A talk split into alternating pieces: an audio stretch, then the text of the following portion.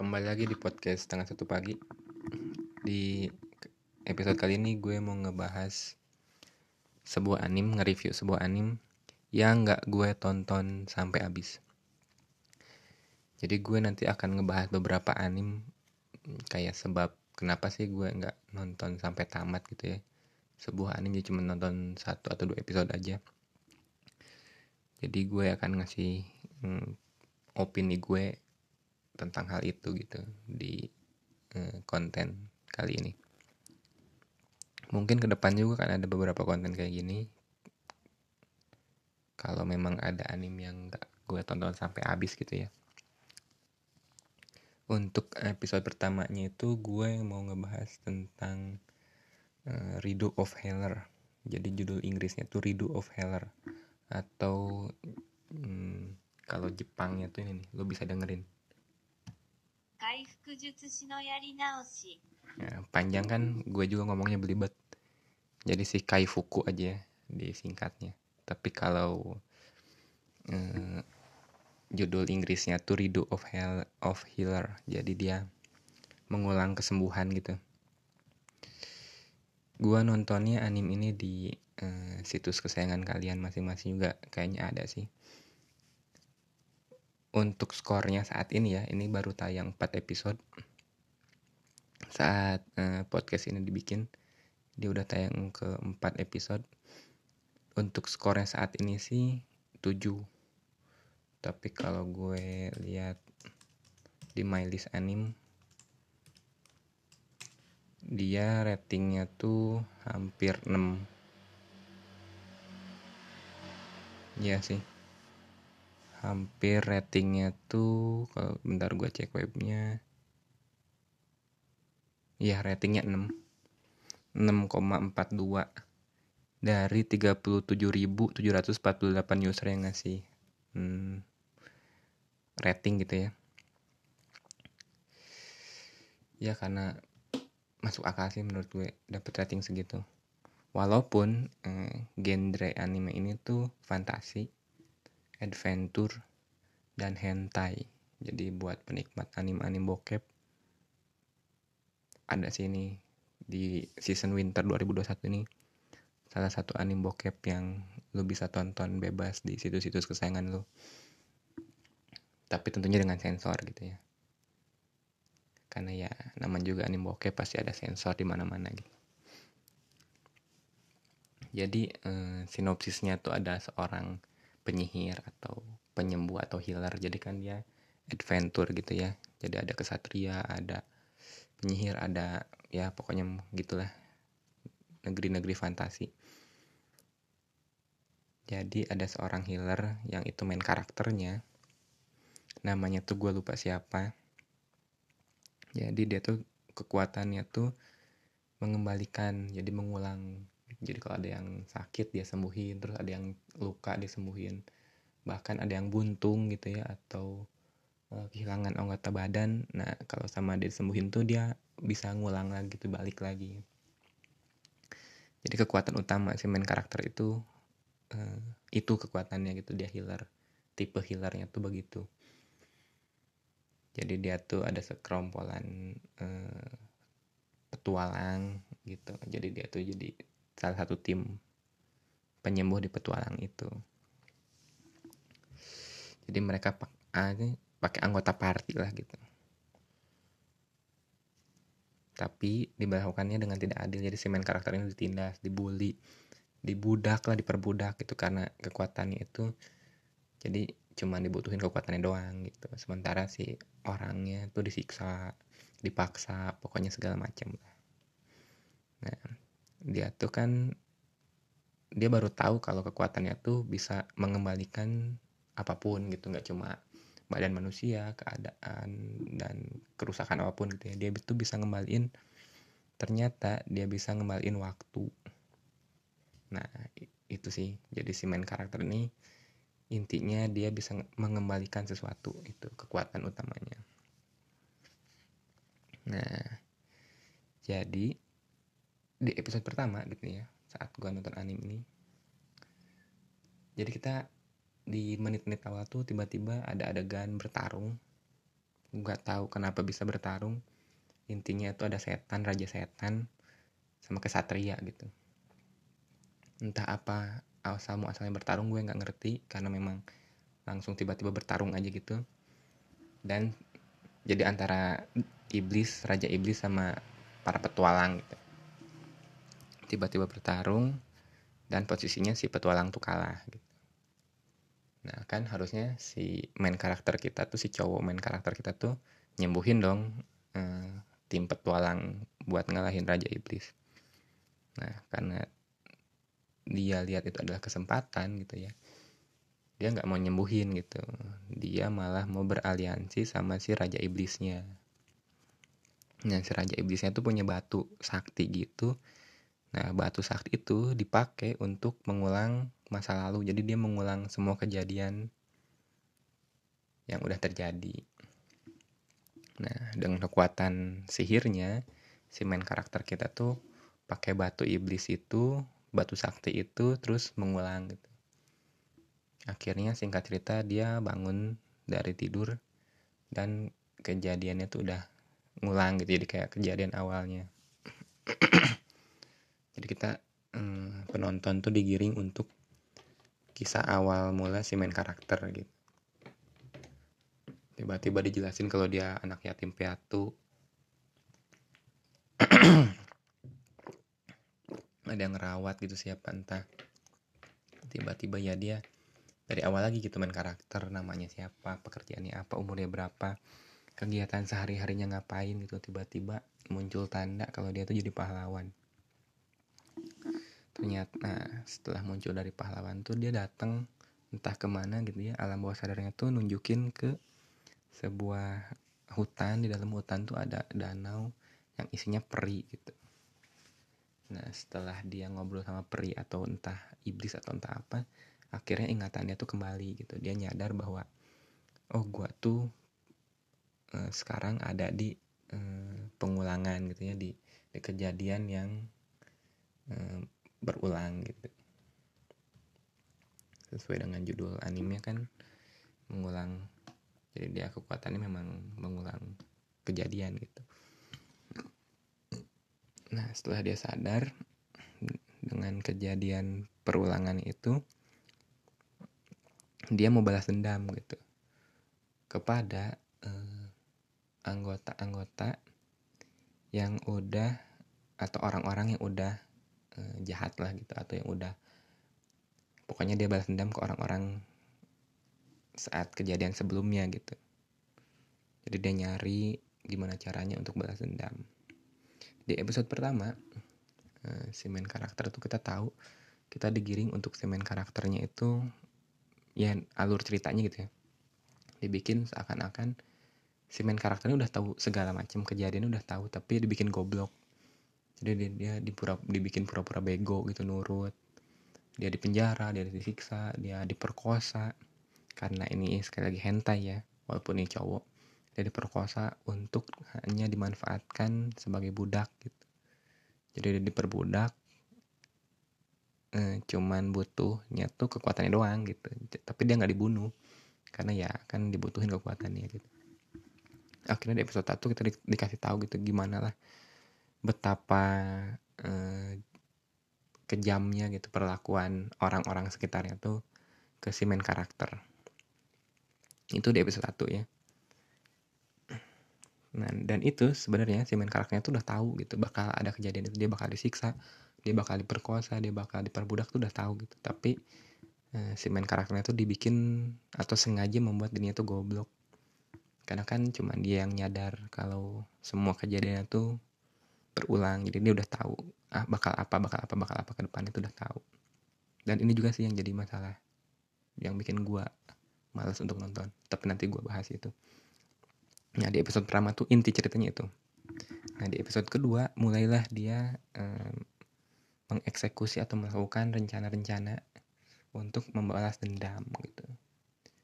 Jadi ada sebuah kesatria ada ada putri sih lebih tepatnya tuh tuan putri yang udah uh, yang dendam gitu. Jadi dia si main karakter yang kita tuh dendam sama seorang uh, tuan putri yang udah jahat sama dia. Terus akhirnya ya dia membalaskan dendamnya gitu di episode kedua. Dan ya penuh dengan adegan mantap-mantap gitu ya. Pemerkosaan terus ya pokoknya kalau lo doyan film-film atau lo doyan anim-anim yang bikin ngaceng ya penuh lah gitu. Hampir setengahnya episode 2 tuh isinya itu gitu. Dan tentu sensor di mana-mana. Tapi gua udah nonton yang uh, unsensornya gitu. Gua nyari dan nemu. Untuk episode 1 dan episode 2 unsensor. Jadi gua nonton dua kali nih. Yang pertama sensor. Karena kan gue nggak tahu ini anime apaan sih. Karena tulisannya cuma fantasi doang gitu. Fantasi udah gitu ternyata ke, kenyataannya gitu. Selain fantasi itu ya adventure dan hentai gitu. Hampir 60 70% nih anime bisa dibilang hentai. Fantasi dan adventure cuman gimmick gitu. Bahkan yang bikin cerita jelek tuh karena itu gitu. Akhirnya kan gue nyari unsensornya gue pengen tahu gitu sekejam apa atau se se sebokep apa adegan yang disensornya gitu karena kan tujuannya apakah nyambung dengan jalan cerita gitu. Karena kan jujur gue memang gak suka gitu anime bokep atau anime hentai. Dengan genre hentai. Tapi kan selama make sense dengan uh, alur cerita yang disuguhkan gitu, atau alur cerita yang dibangun sama sutradaranya itu ya gue masih mas masih bisa nerima sih mau adegannya jelek kayak mau adegan yang gak masuk akal tapi kalau memang diperlukan untuk membangun sebuah cerita ya gue masih fine fine aja gitu. Tapi ya setelah gue nonton unsensornya ya memang nggak penting sih menurut gue adegan yang nggak penting. Apalagi yang mungkin di satu kedua ini cukup penting karena kan pembentukan awal karakter. Jadi eh, biar si penonton tuh tahu kenapa si karakter utamanya dendam sama si tuan putri? Terus kenapa si tuan putrinya ngelakuin itu semua ke main karakternya? Jadi kayaknya ya menurut gue ya sotoynya gue tuh sutradaranya tuh pengen kita penonton tuh ngerti lah gitu. Oh si main karakter tuh wataknya begini si tuan putri tuh wataknya begini gitu. Nah di dari sana gue masih agak oke okay lah masuk akal nih. Kayaknya dibikin kesan dark gitu ya atau kesan uh, tragis gitu ya dari ceritanya tuh atau dari adegannya tuh untuk membangun sebuah cerita gitu. Dan menurut gue kurang sih jujur untuk itunya ya. Memang eh, adegannya sadis gitu adegannya tragis banget terus cukup dark banget lah. Jadi kalau lu nggak nyaman atau lu nggak biasa nonton yang adegan sadis-sadis kayaknya lu bakal anjing apaan sih? gitu. Kenapa adegannya begini? gitu. Tapi ya menurut gue sih ya sotonya gue sih sutradaranya pengen benar-benar ngejelasin bahwa ya lebih ke apa ya pengkokohan karakternya gitu. Jadi si main karakter tuh wataknya begini si tuan putri tuh wataknya begini tuh pengen maksud sutradaranya tuh begitu. Tapi sayang nggak kurang sih menurut gue ya walaupun dengan adegan yang tragis sadis dan penuh dengan bokep gitu jadi itulah adegan satu episode dan dua episode awalnya tuh itu. Nah kenapa gua jadi sekarang gua mau ngejelasin alasan-alasan kenapa gue memutuskan untuk nggak nonton ini anim atau nggak tertarik sama sekali untuk namatin ini anim gitu walaupun penuh dengan bokep. Karena ya sekali lagi ceritanya gitu. Karena gue tujuan gue nonton anim itu untuk dapat cerita yang bagus gitu untuk dapat kesan yang bagus gitu. Bukan cuman ngaceng karena adegan-adegan bokepnya gitu. Karena tujuan gue nonton anime tuh bukan buat ngaceng. Jadi kenapa sekali lagi gue yang gak seneng sama anime bergenre hentai? Tapi buat lu yang ngefans lu yang hobi atau lu yang suka banget ya silahkan tonton. Gue nggak akan ngelarang lu gitu. Gue nggak akan ngelarang lu nonton atau mengutuk sepembuat anim yang bergenre hentai enggak. Ya silakan mau bikin bikin aja lo. Sepuas-puasnya lo bikin. Kalau lo suka ya silakan tonton. Tapi gua pribadi gua nggak demen gitu. Gua nggak seneng lah. Atau gua kurang kurang suka aja gitu. Jadi sekali lagi biar lu tahu gue nggak benci sama pembuatnya gue nggak benci sama penontonnya. Cuman gue nggak suka aja gitu. Ya namanya juga kan selera.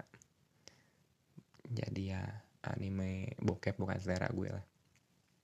Oke okay, alasan pertama adalah kenapa gue nggak lanjut nonton anime ini. Satu konsep dari pemilihan uh, alur ceritanya gitu. Jadi kan si anime ini ber apa ya dia ngambil alur cerita tuh pasti maju mundur maju mundur gitu kan. Supaya kita tahu gitu kenapa nah, dia mau melakukan perulangan kenapa dia mau mengulang semua kejadiannya terus kenapa dia mau balas dendam kan berarti kan ada kilas balik. Terus ke masa sekarang kilas balik masa sekarang entah apa pun itu caranya pasti hmm, gua jamin dari 1 sampai 12 walaupun gua nggak nonton atau 1 sampai tamat gitu ya pasti akan ada beberapa episode yang begitu gitu. Jadi waktu sekarang masa lalu masa kini masa lalu masa kini masa lalu untuk menjelaskan hmm, setiap kejadian-kejadiannya gitu kan karena oke okay, main karakternya udah tahu bahwa ini semua itu perulangan. Tapi kan penonton kan nggak tahu gitu. Penonton tuh dibuat bingung.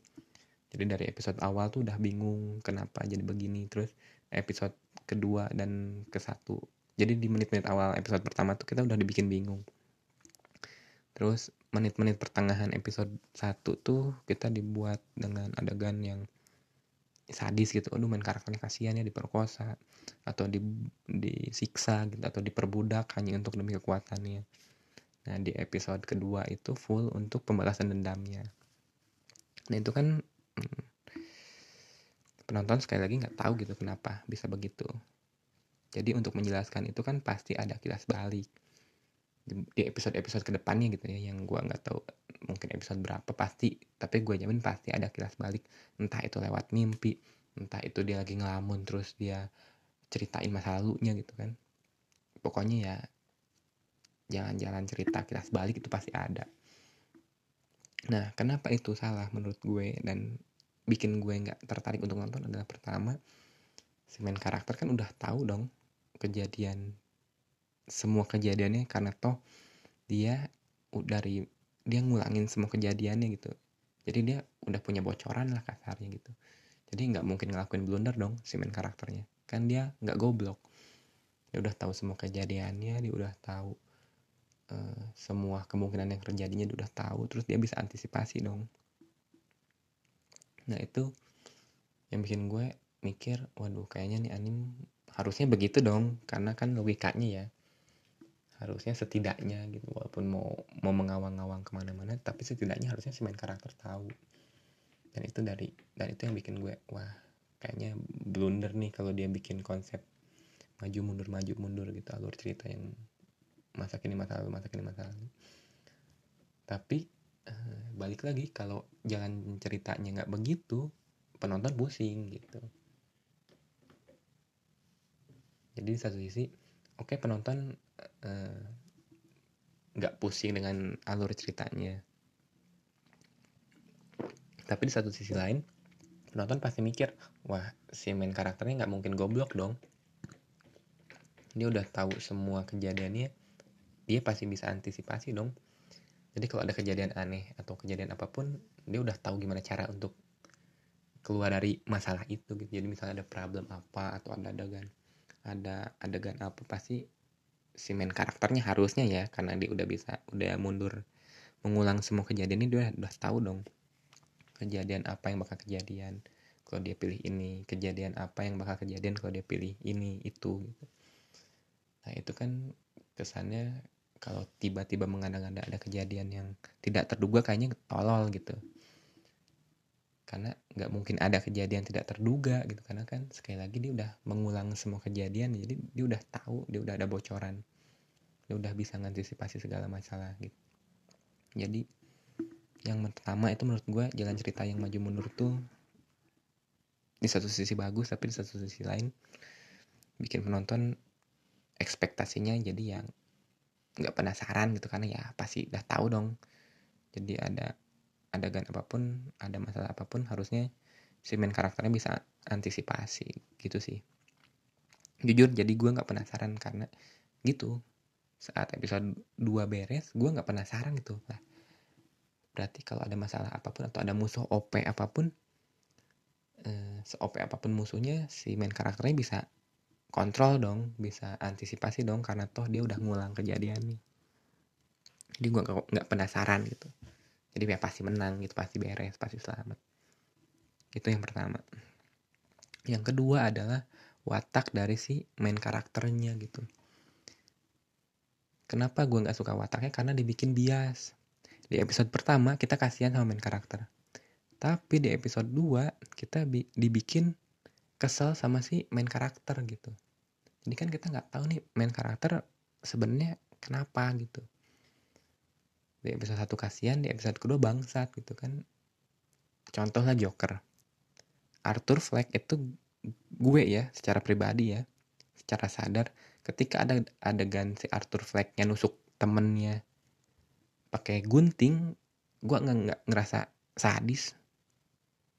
Gue nggak ngerasa eh, kasihan sama teman yang ditusuknya gitu ya. Karena gue lebih peduli sama si Arthur Fleck gitu. Kalau gue jadi Arthur Fleck mungkin gue akan melakukan kejadian yang sama karena nah kerennya Joker adalah dari awal tuh kita udah dikasih tahu gitu. Jadi kita bener-bener kebawa sama si karakter utamanya tuh karena dari awal dari menit awal sampai sepertiga film tuh kita dijelasin bahwa si Arthur Fleck tuh dibully lagi kerja tiba-tiba digebugin orang gak jelas terus ditipu sama teman-temannya terus disiksa sama orang tuanya sampai punya penyakit mental. Jadi saat si Arthur Fleck balas dendam atau jadi berbuat jahat tuh gue sebagai penonton gitu ya ya ngerasa itu hal yang wajar gitu. Nah sementara kalau di anime ini karena terlalu cepat gitu ya tiba-tiba di episode 1 dia kasihan di episode kedua tiba-tiba jadi bangsat nah itu bikin gue apaan sih nih karakter gitu ya wataknya jadi bias gitu. Gue sampai sekarang entah harus prihatin gitu dengan dia sudah diperkosa dan siksa dan segala macam tapi di satu sisi di episode kedua si bangsat ini udah jadi bajingan benar-benar bajingan gitu. Terus gue nggak nemu nggak meng mengiyakan oh iya pantas lo jadi bajingan karena kan kemarin di episode satu lo disiksa gitu. Nah itu kurang gitu pendalaman karakter di episode satunya tuh kurang jadi tiba-tiba dari disiksa langsung jadi bejat itu kan ibarat 180 derajat gitu. Jadi gue sebagai penonton gitu gue nggak ngerasa kasihan sama si main karakternya gitu. Terus gue juga rasa keselnya tuh karena ya sekedar kesal gitu tanpa tahu. Mungkin kalau kit gue lebih diterangin atau lebih dijelasin dari awal banget gitu ya. Jadi secara pelan-pelan gitu pertama mungkin dia digebukin dulu kedua dia dibikin apa gitu ketiga ada kejadian yang dibikin dia di penjara. Nah kalau secara pelan gitu kayaknya gue masih naruh atau gue masih berempati lah sama si main karakter tuh gitu. Jadi saat dia jadi bejat ya gue nggak marah gitu karena ya jelas lah pantas lo jadi bejat karena saat lo disiksa lo kayak begini gitu. Nah perasaan itu tuh gue nggak dapet dari si main karakternya. Jadi gue nggak peduli dia disiksa kemarin tuh gue jadi nggak peduli aja gitu. Dan saat dia jadi bejat gue juga nggak peduli gitu ya. Ya itu mah lu aja sange gitu lu aja bejat lu aja memang bajingan. Dari awalnya memang lu bajingan gitu. Akhirnya kan bias gitu itu menurut gue nggak nggak bagus lah. Untuk si gue ya selaku penonton tuh. Jadi ya udah gitu gue nggak peduli dengan si main karakternya mau si main karakternya jadi bangke lagi misalnya mau jadi atau sial kasihan disiksa lagi kayak ya gue akhirnya bodoh amat itu karena toh kan saat dia kasihan juga tiba-tiba dia bisa jadi bajingan lagi. Jadi itu sih yang bikin gue kurang sama si anime ini alasan keduanya karena itu gitu.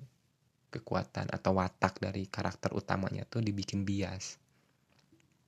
Karena ya episodenya terlalu cepat gitu di episode 1 berubah perubahannya tuh terlalu cepet akhirnya ya gue nggak peduli lagi sama si main karakternya gitu. Itu yang alasan kedua yang nggak gue pengen bikin pengen anime ini nonton tuh karena itu. Pertama adalah konsep jalan ceritanya yang maju mundur maju mundur. Yang kedua adalah watak karakternya yang dibikin bias sama si sutradara atau sama si penulisnya yang ketiga adalah kekuatan main karakternya itu udah OP banget. Jadi di episode awal di episode 1 menit pertengahan lah pertengahan anim gitu ya kita udah dijelasin bahwa si main karakter itu bisa kekuatan itu benar-benar OP bener gitu. Jadi dia bisa nyerap kekuatan orang lain dia bisa ngembaliin sesuatu jadi seperti semula. Terus dia bisa pakai kekuatan yang udah diserap orang lain itu nah dengan kekuatan dia bisa nyerap kekuatan orang lain dia bisa ngerubah muka orang lah dia bisa ngerubah besi jadi emas lah dia bisa bikin anggota tubuh jadi cacat lah dia bisa pokoknya OP lah gitu. Nah itu tuh di episode 1 kita udah dikasih tahu betapa OP-nya sih kekuatan main karakter. Jadi logikanya ya sehebat apa pun musuhnya yang di episode depan gitu misalnya di episode berapa dia ketemu musuh yang kuat di petualangannya. Ya pasti dia menang dong. Logikanya gitu kan karena ya dia udah OP dia bisa nyerap semua kekuatan terus pakai kekuatan itu gitu. Dan lebih lebih jago dibanding pengguna sebelumnya.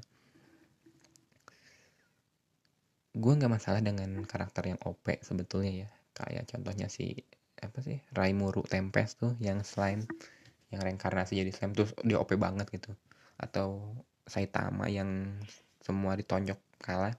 Sebenarnya gue nggak nggak masalah gitu dengan dengan main karakter yang punya kekuatan OP tapi kan kalau dari awal udah dikasih tahu semua ya percuma gitu.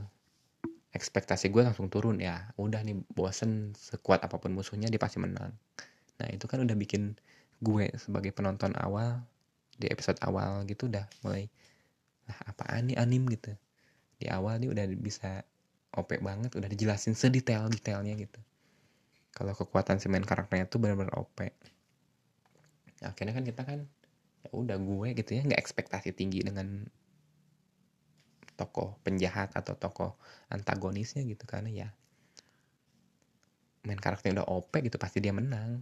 Akhirnya itu yang bikin alasan ketiga gue yang bikin gue malas nonton anime itu adalah itu gitu karena kekuatan main karakternya udah dijelasin di awal. Sedetail mungkin jadi kita udah tahu. Dan pasti nggak akan ada lawan gitu. Pertama dia nggak goblok kedua dia kuat ya udah lah. Otaknya encer udah tahu semua kejadian. Kedua ya kekuatannya udah dijelasin bener-bener OP gitu. Ya lu mau berekspektasi musuh macam gimana lagi gitu kan. Itu yang ketiga. Yang keempat adalah pendalaman karakter sih. Main karakternya udah jelas kan nggak jelas. Ditambah lagi pemeran pembantunya makin gak jelas gitu. Nah di episode kedua setelah diperkosa setelah disiksa setelah di ya pokoknya setelah diperkosa lah ya. Si tuan putrinya tuh dibikin goblok sama si main karakter. Jadi dia dibikin hilang ingatan gitu terus dia nggak tahu siapa siapa akhirnya dia nurut nurut aja gitu. Pokoknya goblok lah dibikin tolol gitu si tuan putri yang udah jahat sama dia. Wajar sih memang wajar gitu ya. Karena kan buk apa pembalasan dendamnya tuh begitu. Tapi ya sekali lagi jadi bikin si udah mah karakternya main karakternya wataknya nggak jelas ditambah lagi pemeran pendukungnya tuh dibikin goblok juga gitu dibikin gak jelas juga. Jadi akhirnya kita tahu gitu kan bahwa pemeran pembantunya tuh si tuan putrinya tuh jahat. Tapi di episode berikutnya kan dibikin goblok gitu. Mau mau di kapan aja menurut apa aja kata si main karakter akhirnya kan bikin gue makin bingung gitu aduh sayang gitu. Padahal gue udah ngerasa bahwa memang jahatnya cocok gitu dibikin jahat. Tapi ya di ending episode 2 tuh dibikin goblok benar-benar goblok. Dia nggak tahu siapa dirinya siapa saya siapa aku aku di mana tuh memang benar-benar kayak sinetron sinetron Indonesia gitu dan yang gue pikir wah bangsat nih waduh gitu kayaknya. Ya makin makin gak jelas lagi nih wataknya.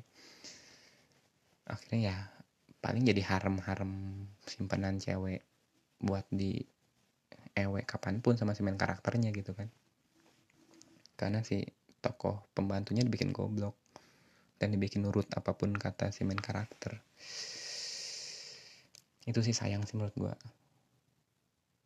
dan pasti eh, pemeran-pemeran pembantu lainnya pasti bakal dibikin kayak gitu juga gitu. Karena kan si main karakter balik lagi nih ya. Si main karakter kan udah tahu kejadiannya.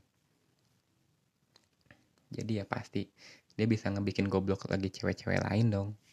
Buat dijadiin budak atau dijadiin ya lumbung lumbung air maninya gitu. Nah, ini sih jadi bener-bener full. Akhirnya ya anime ini jadi full bokep gitu. Full hentai jadi adventure dan fantasinya tuh ya cuman gimmick. Walaupun inti ceritanya gini-gini petualangan gitu. Datang ada musuh yang OP tapi ujung-ujungnya pasti setiap episodenya bakal ada adegan mantap-mantap gitu. Jadi polanya akhirnya pola yang menurut gue kejadian adalah di episode selanjutnya bakal ketemu cewek terus ceweknya dibikin goblok terus di ewe gitu. Nah episode berikutnya begitu lagi. Jadi dia petualangan ke suatu tempat dari cewek cantik ceweknya bikin goblok di ewe ya terus aja sampai tamat gitu. Akhirnya pola pola ceritanya ya begitu. Pasti akan ada adegan begitu gitu di setiap episodenya. Karena ya polanya udah pasti begitu. Jadi ya oke emang gue sotoy misalnya gitu ya tapi ya bakal ada adegan e, bokepnya tuh didasari dengan pola yang sama gitu. Itu sih yang bikin gue kecewa banget wah ini udah full anime bokep gitu. Dengan dikasih adegan itu gitu ya. Bikin gue bener-bener nggak mau nonton lagi anime, anime sampai tamat. Bodoh amat lah mau ada adegan apa kayak adegan sepanas apa kayak ya gue gak akan nonton gitu. Karena ya memang ini anime dibikin buat yang sangean aja gitu.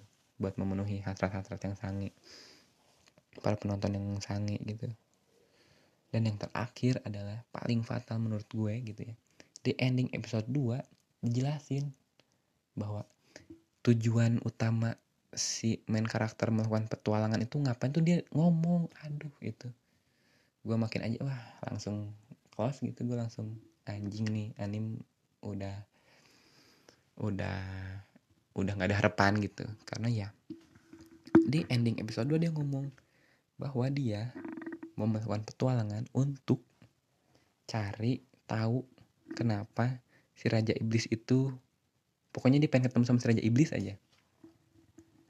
Nah dia tuh udah ngomong jadi dialog aku akan melakukan petualangan untuk menemukan si raja iblis dan menanyakan sesuatu ke si raja iblis itu gitu. Maksud gue kan ya anjing lah gitu udah ya udah gitu aja ya inti ceritanya udah bocorin di episode awal gitu. Jadi ya pasti jalan ceritanya intinya itu tujuannya itu. Jadi ya nggak akan ada penasaran lagi lah gue gitu. Karena gue udah tahu pasti intinya dia bakal nyari si raja iblisnya gitu si musuh di menit-menit awal episode 1 intinya kan bakal ketemu atau enggak. Jadi jawabannya cuma itu. Kalau nggak ketemu berarti ada season 2 nya kalau ketemu berarti ya udah tamat season 1 gitu. Dari saat itu dari sejak ada muncul dialog itu gue baca ah anjing udahlah nggak ada harapan nih anim karena apa gitu yang yang lo ekspektasikan dari ceritanya tuh apa gitu. Alur ceritanya lu, lu, lu udah tahu ending ending ceritanya lu udah udah tahu bakal begitu endingnya. Cuman ada dua pilihan aja kalau ketemu ya udah ketemu dia tahu jawabannya apa gitu kan. Kalau nggak ketemu berarti ada plot twist. Nah walaupun ada plot twist plot twist apa pun itu bentuknya bakalan jadi ya ketebak nggak ketebak gitu ya. Pasti bakal kalau misalnya mau ada ending season 2 gitu ya. Ini anime mau jadi dua season misalnya. Mau dibikin season 2 ya tinggal aja bikin plot twist. Ternyata yang selama yang lu lakukan selama ini adalah salah. Dengan lu mengulang kejadian ini lu jadi lu jadi bikin ke kejadian baru ke begini begini begini. Ya bisa aja plot twist kayak gitu gitu. Kayak apa pun plot twistnya gue sebagai penonton tuh ya udah gitu. Lah ini mah diada-adain biar ada season 2 nya akhirnya gue mikir gitu. Karena di awal inti ceritanya udah dikasih tahu bahwa semua episode semua petualangan ini tuh tujuannya tuh cuman nyari si Raja Iblis terus buat ngobrol gitu sama si Raja Iblis. Tapi ya udah gitu. Ini anime bakal isinya ya petualangan nyari cewek cakep digoblokin di ewe petualangan lagi ke suatu tempat nyari cewek cakep digoblokin di ewe ya gitu aja terus sampai tamat sampai ketemu sama si Raja Iblis. Kalau ketemu ya tamat nih anim season 1 kalau ada plot twist atau ada apa yang memungkinkan nggak ketemu ya udah lanjut season 2 gitu. Walaupun ada season 2 nya gue expect ya tetap nggak nggak seru gitu. Karena kan inti ceritanya bakal nggak rubah dong.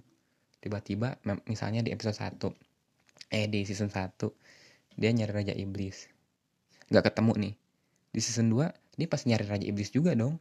Nggak mungkin dia jadi ngapain gitu dia ngapain karena kan di season 1 aja belum ketemu si raja iblisnya. Sementara tujuan e, rangka atau inti cerita nyawa ceritanya tuh ketemu si raja iblis gitu. Nah, pasti di season 2 nya kan gimana caranya ketemu lagi si raja iblis. Akhirnya ya nambah lagi cewek yang cakep-cakep cariin terus digoblokin terus di EW akhirnya ya polanya ya berulangnya sama gitu. Dan akhirnya ya bener-bener full anime bokep gitu.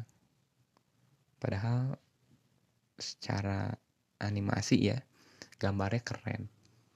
Gambar karakternya keren gambar pemandangannya keren ekspresi si karakternya gitu ya keren menurut gue cukup cukup bagus lah karena Winter 2021 ini secara teknik keren-keren anim kecuali X Arm ya.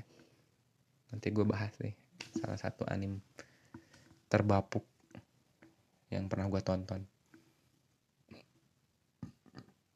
Mungkin di nanti gue bikin lah.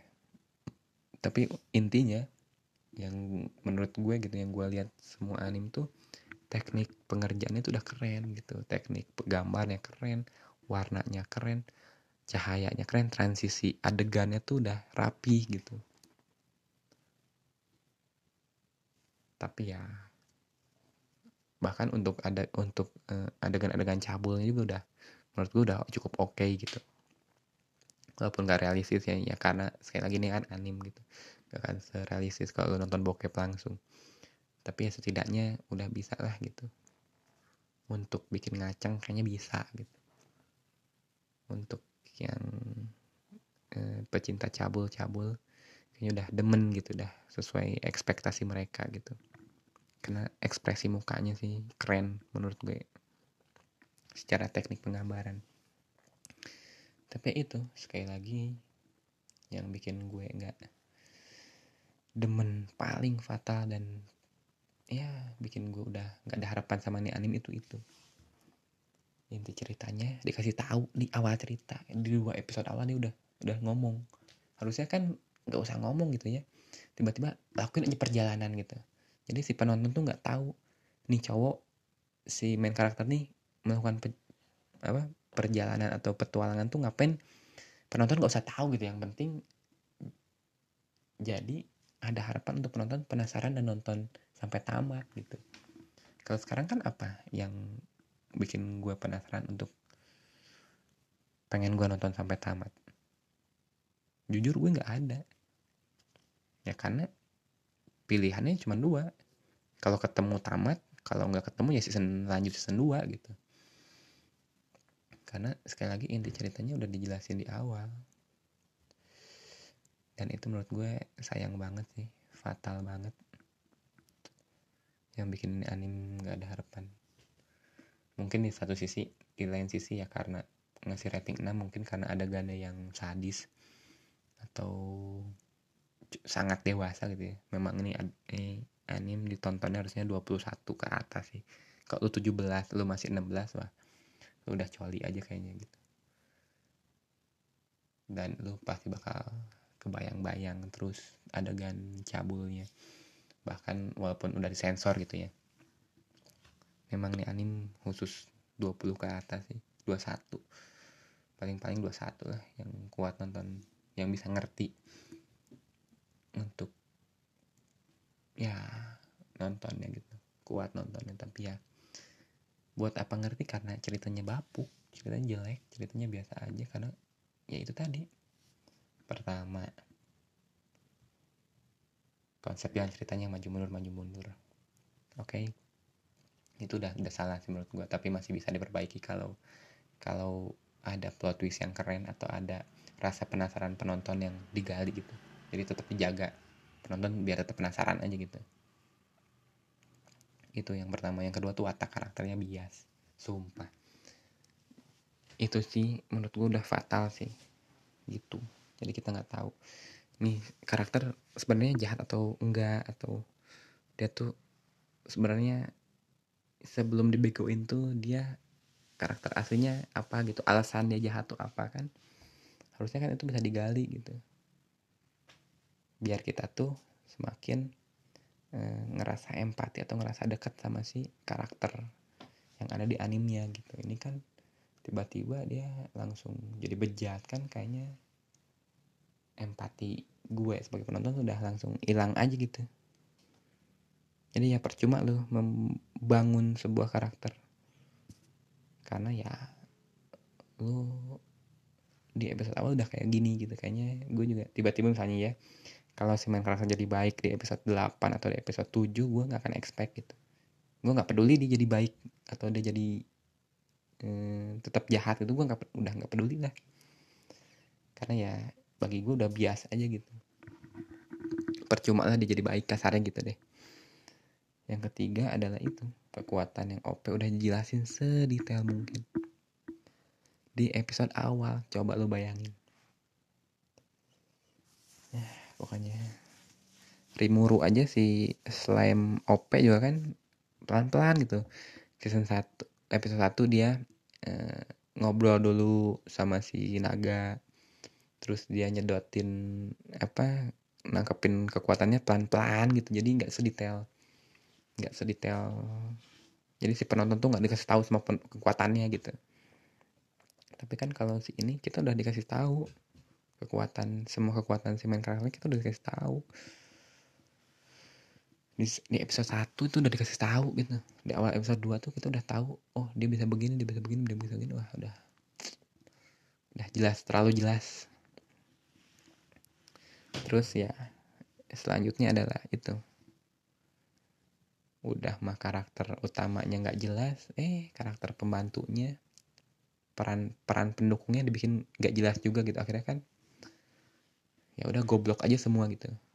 Ceweknya jadi ya dibikin goblok semua aja nurut sama si main karakternya peran-peran pendukungnya kan harusnya kan dibikin yang satu wataknya baik atau yang satu wataknya apa yang satu wataknya apa tuh biar si cerita di jalan ceritanya tuh hmm, hidup gitu atau berkembang gitu. Jadi ada ada masalah atau ada ada uh, ya ada. Aduh apa ya istilahnya tuh? Nah intinya ada pembangunan jalan ceritanya tuh jadi hidup gitu. Jadi bikin gua yang nonton tuh setidaknya penasaran lah gitu. Yang terakhir adalah itu sih. Inti cerita yang dibocorin di awal udah ada salah banget. Salah banget. Jadi ya itu sih. Beberapa alasan yang gue nggak mau nonton anim kaifuku. Huchi ini. Atau lo bisa search aja di Google Ridu of Healer. Jadi itu judul Inggrisnya Ridu of Healer. Kalau judul Jepangnya Kaifuku. Susah banget nah belibet Kaifuku. Lo tinggal klik aja Kaifuku. Anim bokep pasti ada di Google. Pasti muncul nih anim jadi ya itu itu aja sih opini gue dan kesotoyan gue tentang anim ini biar dan ya jujur gue kecewa sih dengan anim yang udah keren gitu ya gambarnya keren animasinya keren tapi jalan ceritanya bangsat. Blunder-blunder yang nggak perlu tapi kecil gitu blunder-blunder kecil tapi ngaruhnya tuh akhirnya ya udah deh bikin gue benar-benar nggak mau nonton anim jadi itu aja buat episode kali ini. Uh, thanks yang udah denger. Sekali lagi gue tidak benci penonton penonton anim bokep. Silahkan tonton kalau doyan dan lo suka. Dan memang selera selera lo di sana ya silahkan. Gue nggak akan melarang. Gue tidak akan membenci orangnya gitu ya. Gue cuman nggak suka sama animnya aja cuman nggak suka sama genrenya aja. Gue nggak akan benci sama pembuatnya gue nggak akan benci sama penontonnya silahkan kalau lo mau menikmati dan lo senang dengan akan anim-anim gitu ya silahkan tonton aja. Itu hak lo tuh bebas. Terserah lo. Oke okay, sekali lagi nih opini pribadi gue lo nggak usah setuju lo nggak nggak usah suka sama opini gue. Di podcast ini gue cuma ngomong-ngomong kenapa gue nggak seneng atau nggak pengen nonton ini anim udah gitu aja. Thank you. Bye